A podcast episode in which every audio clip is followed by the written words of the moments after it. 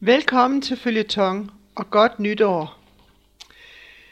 Da der stadig er meget godt at hente i bogen Guds smuler, skrevet af bruder Andreas i samarbejde med John og Elisabeth Sherrill, fortsætter jeg et stykke tid endnu oplæsningen af denne bog. Sidst hørte vi om bruder Andreas' tur til Ungarn, et land bag jerntæppet, hvor han også delte bibler og traktater ud og arbejdede sammen med ungarske kristne for at styrke den kristne menighed.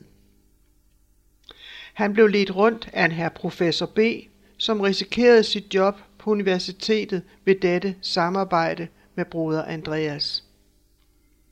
Og hjemme i Holland havde han erklæret Corey sin kærlighed. Og Corey havde lovet at svare ham, når han igen var hjemme. Og nu starter oplæsningen. Professor B. fortalte mig, at der også var kirker i Ungarn, som fandt udveje i restriktionerne.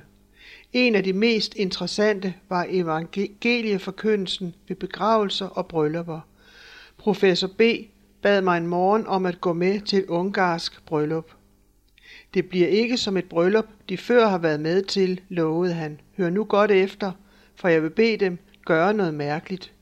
De vil få anledning til at tale, og når de gør det, skal de kort gratulere bruden og brudgommen, og så skal de holde den mest indtrængende vækkelsesprædiken, de formår. Jeg måtte smile. Le ikke, sagde han. Det er på den måde, vi får de fleste mennesker i tale i dag. Folk er bange for at gå i kirke, undtagen når der er begravelser eller bryllup. Så der prædiker vi for dem. En af regeringens embedsmænd sagde til mig i forrige uge, jeg tør væde på, at de hver aften beder om, at deres venner må dø, så de kan få anledning til at tale. Jeg talte altså ved brylluppet, og bagefter fortalte jeg professor B. om den anden metode, jeg havde, at bringe hilsner fra Holland. Han blev henrygt ved tanken og ville straks starte en mødekampagne. Han gik til telefonen og begyndte at ringe rundt til forskellige personer. Samme aften holdt vi et dårligt maskeret vækkelsesmøde i en af byens største kirker. Næste aften holdt vi et nyt møde, men da i en anden kirke, og sådan fortsatte vi aften efter aften. Vi bekendt gjorde aldrig før ved slutningen af mødet, hvor det næste møde skulle holdes. Alligevel var der flere, som måtte stå i sidegangene for at høre den besøgende hollænder tale. Dette tiltrak sig for mig opmærksomhed, og vi fandt ud af, at vi kun kunne give besked om, at der ville blive møde næste aften, uden at sige, hvor det ville blive henne. Næste dag ringede folk og spurgte, hvor mødet skulle holdes, og så gav de besked videre til hinanden. Når vi sad på platformen og ventede på, at mødet skulle begynde, lagde jeg mærke til, at præsterne grænskede ansigterne i forsamlingen. De ser efter det hemmelige politi, forklarede professor B. Vi kender mange af dem af udseende. Efter revolutionen har det været farligt at samle store grupper, uanset hvad grunden er. Nervøsiteten og uroen var så smitsom, at midt under kampagnen begyndte også jeg at drømme om natten, om vanskeligheder med politiet. Og en aften kom politiet virkelig. Jeg kunne se det på professor B's ansigt. De er her, viskede han, og jeg behøvede ikke spørge, hvem de var. Han gav tegn til, at jeg skulle følge med ud i sakristiet. To civilklædte mænd ventede derude. De stillede mig en række spørgsmål, og så bad de mig møde op i deres hovedkontor næste dag sammen med professor B.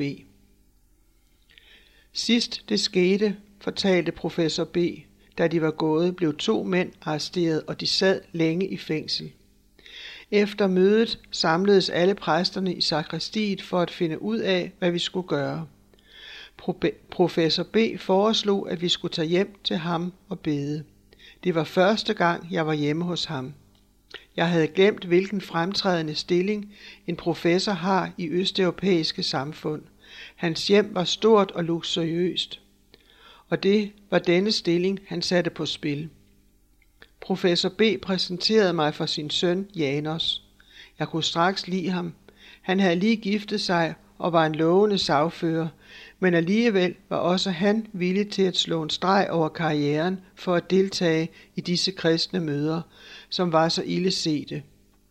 Vi var syv den aften, syv kristne, som var samlet omtrent på samme måde, som kristne var kommet sammen på, siden kirken blev grundlagt. I hemmelighed og fare. Sammen bad vi om, at vi ved et Guds under måtte blive sparet for en konfrontation med myndighederne. Vi knælede rundt om et lavt kaffebord i dagligstuen. I en time bad vi om, at Gud måtte hjælpe os i nødens stund. Og pludselig ophørte bønnen. I samme øjeblik følte vi en uforklarlig vidshed om, at Gud havde hørt os, at vores bønder var besvaret. Vi rejste os og så på hinanden med forbavselse. Jeg så på klokken, den var fem minutter over halv tolv om aftenen. Netop da vidste vi, at næste morgen ville alt ordne sig til det bedste for os. Præcis klokken 9 næste morgen var professor B og jeg ved hovedkontoret. Mens vi ventede, viskede han til mig, at han kendte personalet godt. Chefen for afdelingen var ubønhørlig i sine angreb på kirken. Hans underordnede var sandsynligvis meget mildere. Vi er blevet bedt om, viskede han, at komme ind til afdelingschefen. Det lyder ikke godt. Klokken blev halv ti, og den blev ti og elleve. Vi var begge vant til at vente længe i byråkratiske lande, men dette var en forhaling ud over det normale. Til sidst, lige før klokken var 12, kom en af de ansatte til syne. Kom denne vej, sagde han. Vi gik af en lang gang bag manden. Vi gik forbi afdelingschefens kontor og videre. Professor B så på mig og hævede forhåbningsfuldt øjenbrynene. Til sidst stansede vi. Afdelingschefen forklarede, sekretæren blev syg i nat. I hans sted ville fuldmægtigen forhøre os. Professor B kastede et hurtigt blik på mig. 20 minutter senere gik vi, gik vi fra kontoret som frie mænd.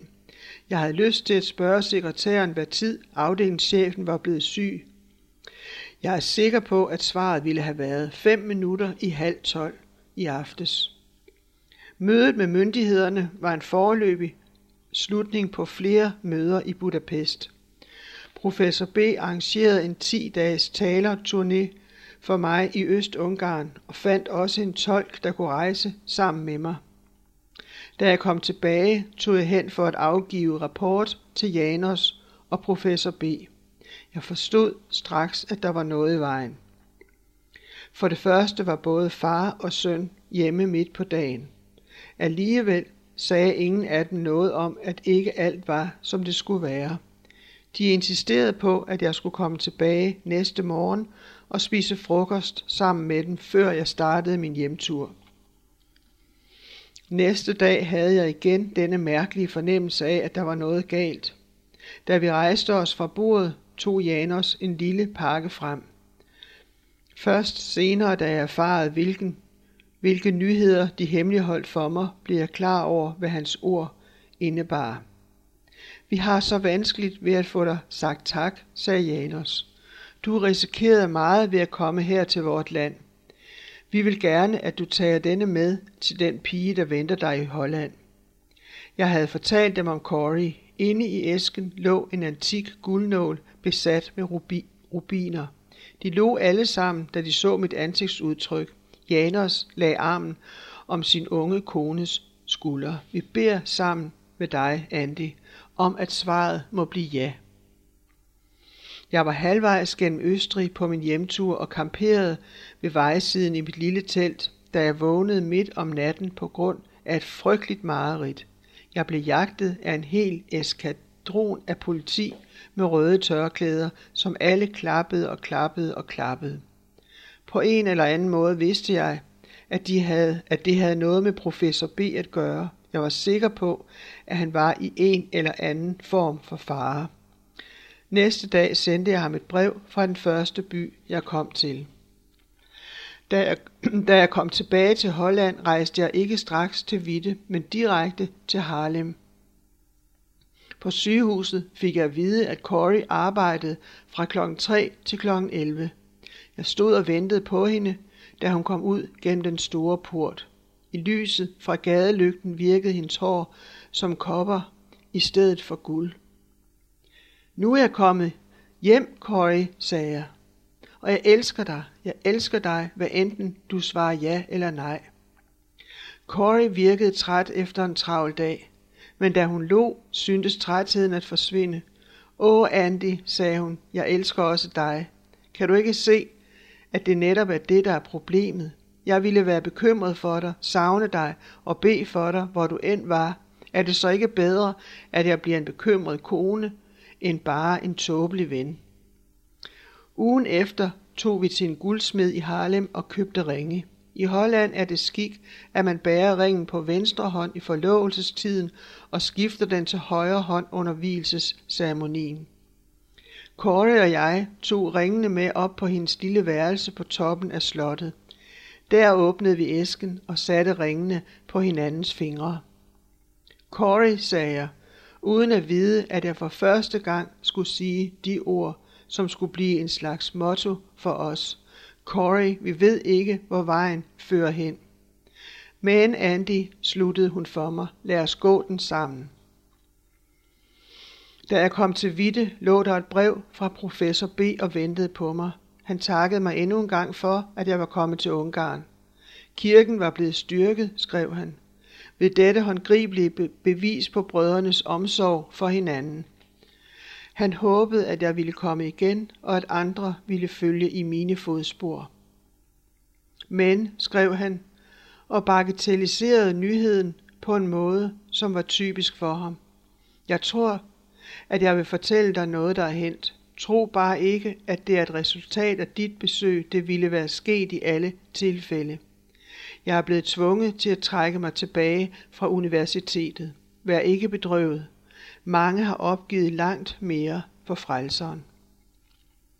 Specielt ønsker jeg, at du ikke må blive ledt bort fra dit vigtige arbejde med at styrke og opmuntre. Det er din opgave, Andreas, ligesom vi har vores. Vi beder dagligt for dig, selvom du ikke vil få mere at høre fra os. Dette brev bliver taget med ud af landet af en ven. Al post bliver censureret. Vi beder om, at du fortsat må være stærk i tjenesten. Endnu en gang, vær ikke bedrøvet. Vi takker Herren.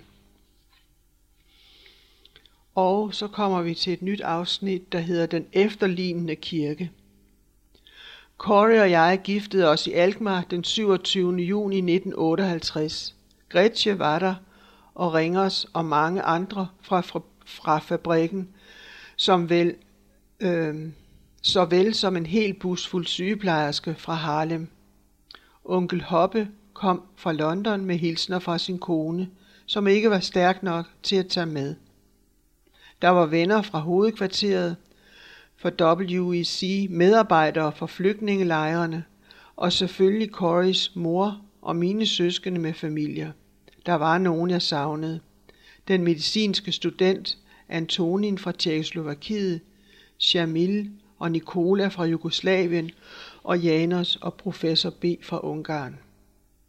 Det var sent, før vi kunne rive os løs fra så mange venner og minder. Til hvedebrødsdagene havde vi lejet Karl de Grafs campingvogn. Vi havde lagt romantiske planer om at køre til Frankrig. Men da vi startede, opdagede vi pludselig, hvor trætte vi var. Corey var udslidt efter den afsluttende eksamen, hun netop var færdig med, og jeg efter arbejde i flygtningelejrene, hvor jeg havde tilbragt det meste af tiden siden forlovelsen. Nogle få mil fra Alkmaar kom vi til en restaurant, som sjældent for Holland lå i en dejlig lund med træer. Vi parkerede udenfor og gik ind for at købe kaffe. Ejeren og hans kone var så hjertelige og overbeviste os om, at anhængeren ikke var i vejen, at vi ikke, så vi ikke kom længere. Vi kørte vognen ind under træerne og tilbragte hvedebrødsdagene der. Det mørke og fugtige værelse over skuret var slet ikke længere mørkt og fugtigt. Hvordan kunne jeg nogensinde have syntes det? For Corey kom ind med sit solskin og sin varme og gjorde det til vores hjem. Vi havde godt nok intet køkken og intet rørsystem i vort hjem. Taget lækkede lidt her og der, og aldrig det samme sted to nætter. Men hvad gjorde de? Hvad gjorde det, når bare vi var sammen? Det eneste problem af betydning var alle tøjbylderne. Jeg havde talt i kirker over hele Holland om behovet for tøj i flygtningelejrene og foreslået min adresse som et sted, hvor tingene kunne sendes til. Jeg havde aldrig drømt om, at der ville komme så meget. Det kom med post, med tog, med lastbil, last efter last, anbragt i vores lille forhave i Vitte. 8 tons blev leveret det første år, og lagerproblemet var akut. Marche var blevet gift nu og boede hos sin mands familie. Men Ari og Geltje havde fået barn nummer to, og Cornelius og hans kone boede på loftet. Der var ingen plads til tøjet, undtagen i vort eget værelse. Corey og jeg måtte bogstaveligt talt kravle over tøjbylder, hver gang vi skulle ind eller ud af døren. Det værste var, at meget af det kom uvasket. Vi skrubbede det mest snavsede i en balle i baghaven og børstede og sprayede resten. Men vort værelse var aldrig loppefrit. Transport af de store mængder var et andet problem. Jeg pakkede bilen så fuld som jeg kunne, hver gang jeg tog afsted mod lejrene. Men på trods af alle folkevognens fordele, var den utilstrækkelig at anvende som lastbil. Jeg var ivrig efter at komme afsted til flygtningelejrene igen, denne gang med Corey ved min side. Jeg ville, at hun med egne øjne skulle se lejrene. Ikke kun for at møde disse mennesker, som hun bestandigt vaskede og pakkede for, men fordi jeg vidste, hvad en sygeplejerske kunne betyde sådanne steder. Og da det blev efterår, fyldte vi bagsædet med trøjer, frakker og sko og drog afsted til flygtningelejrene i Vestberlin. Vi afleverede den første forsyning ved Fiktor-bunkeren.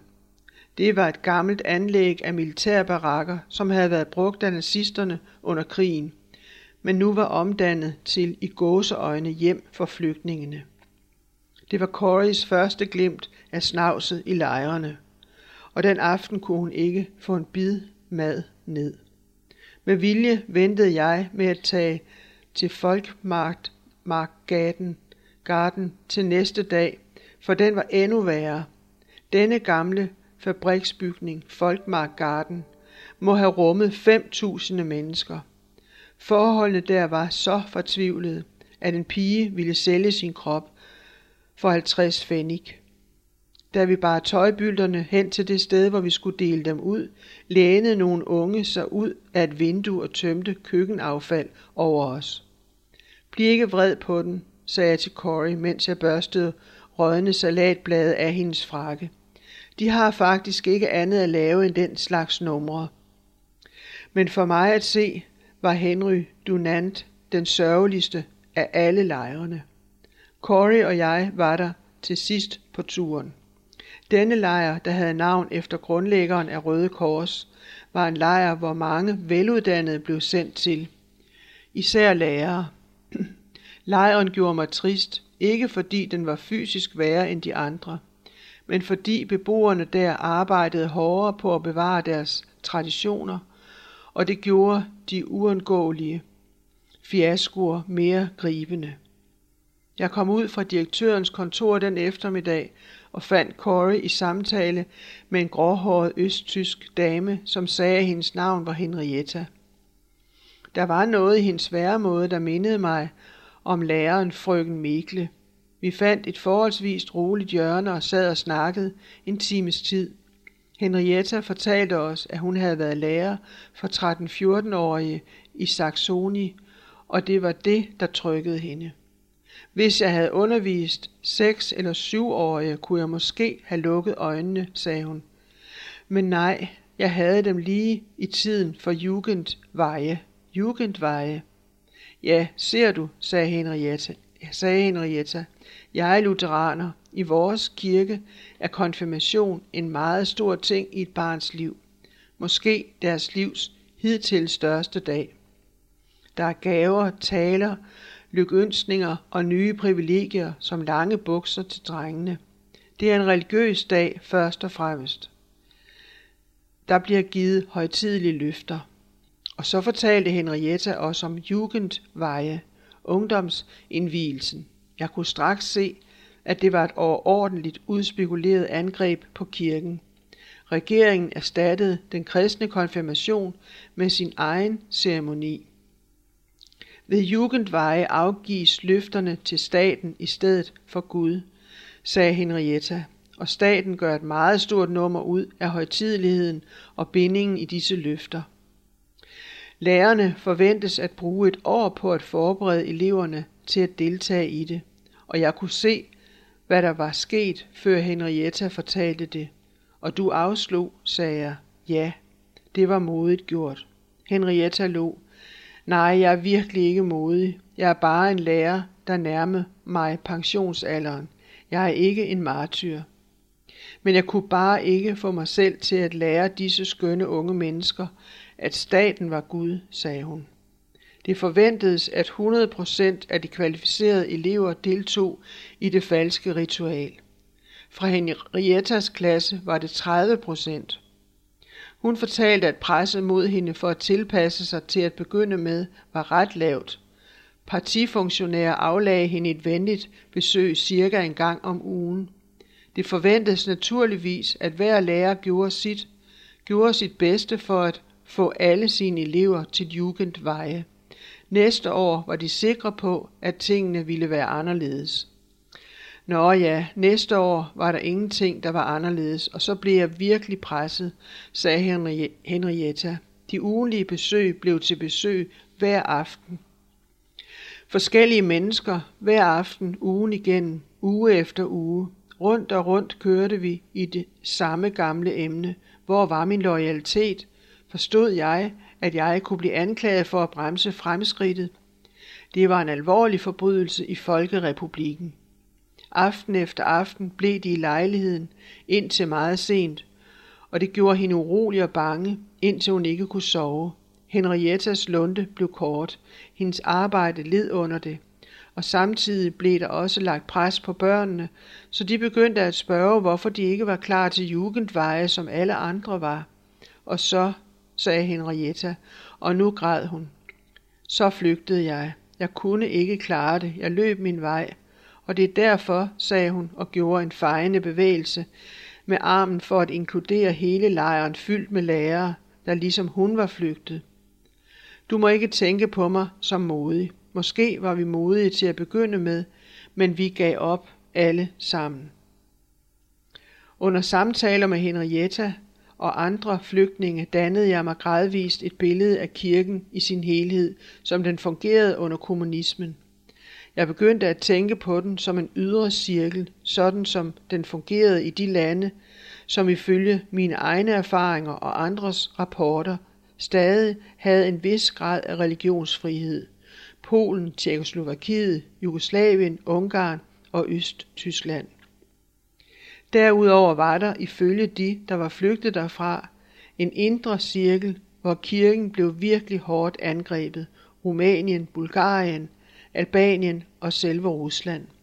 Jeg havde besøgt alle undtagen et af landene i den ydre cirkel. Nu vidste jeg, at jeg måtte besøge Øst-Tyskland. Her i Vestberlin havde jeg tydeligt det bedste udgangspunkt for et sådan besøg, men da jeg foreslog Corey turen, så hun på mig med store øjne.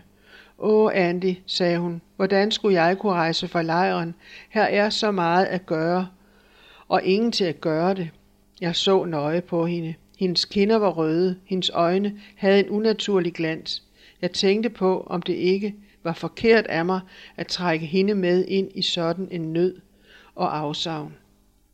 Det var hårdt nok for mig at se lidelserne, men for en sygeplejerske, som var trænet i at se, hvad der skulle gøres, men uden faciliteter til at gøre det, det måtte virkelig have været tortur. Hun bevægede sig fra lejren og hen til en anden lejr, som en kvinde, der var helt ved siden af sig selv. Hun startede en klasse for mødre her, fik ordnet en tank til kogt vand der. Et tredje sted forsøgte hun at holde opvasken adskilt mellem dem, der havde tuberkulose og dem, der ikke havde. Om eftermiddagene åbnede hun en improviseret klinik i den lejr, hvor hun nu var, hvor hun penslede halsen på febersyge, rensede gamle sår, vaskede inficerede øjne, og en gang imellem trak hun endda tænder ud. For hendes egen skyld begyndte jeg at ønske at få hende væk fra dette miljø, men det afslog hun. Rejs du, sagde hun, da visummet til Østtyskland var kommet igen helt uden forsinkelse. Hvad nytte kan jeg gøre der? Jeg kan ikke prædike, jeg kan ikke tale tysk, jeg kan ikke engang køre bil, men jeg kan se, når et toilet myldrer af bakterier. Hun tog flasken med desinfektionsmidlet, som hun altid havde i nærheden. Fortæl mig alt om turen, når du kommer tilbage, sagde hun. Sådan skiltes vi for første gang siden vi blev gift, ikke på grund af mit arbejde, men på grund af Corys. Jeg krydsede grænsen fra vest til øst-Berlin ved en overgang i nærheden af Brandenburger Tor. Forskellen på de to bydele var mærkbar, allerede da jeg kørte af gaderne. Jeg var forberedt på at møde mennesker i dårlige klæder, på butikker, hvor store vaser med blomster udfyldte tomrummet, og på at genopbygningen efter krigen gik langsomt. Det, jeg ikke var forberedt på, var stilheden. Ingen talte i gaderne. Der hvilede en uhyggelig stemning overalt, som om landet var i sorg eller i frygt. Som tiden gik, kom jeg selv til at føle denne frygt. Der var politi overalt. De stod ved broerne, ved fabriksindgangene, ved de offentlige bygninger. Af og til stansede de folk gennemsøgte dokumentmapper, håndtasker og notesbøger. Ingen klagede over den behandling, ingen protesterede. Manglen på protest var en del af den frygtelige stilhed, der hang som en giftig tåge over byen. I skarp kontrast til stilheden fra menneskene var regeringens høje stemme. Den var overalt. I radioen, i højtaler og på plakater. Slagord var malet på væggene, på hustage og telefonmaster. Der var plakater på kioskene, butikkerne, hotellerne og jernbanestationerne. Propaganda overalt.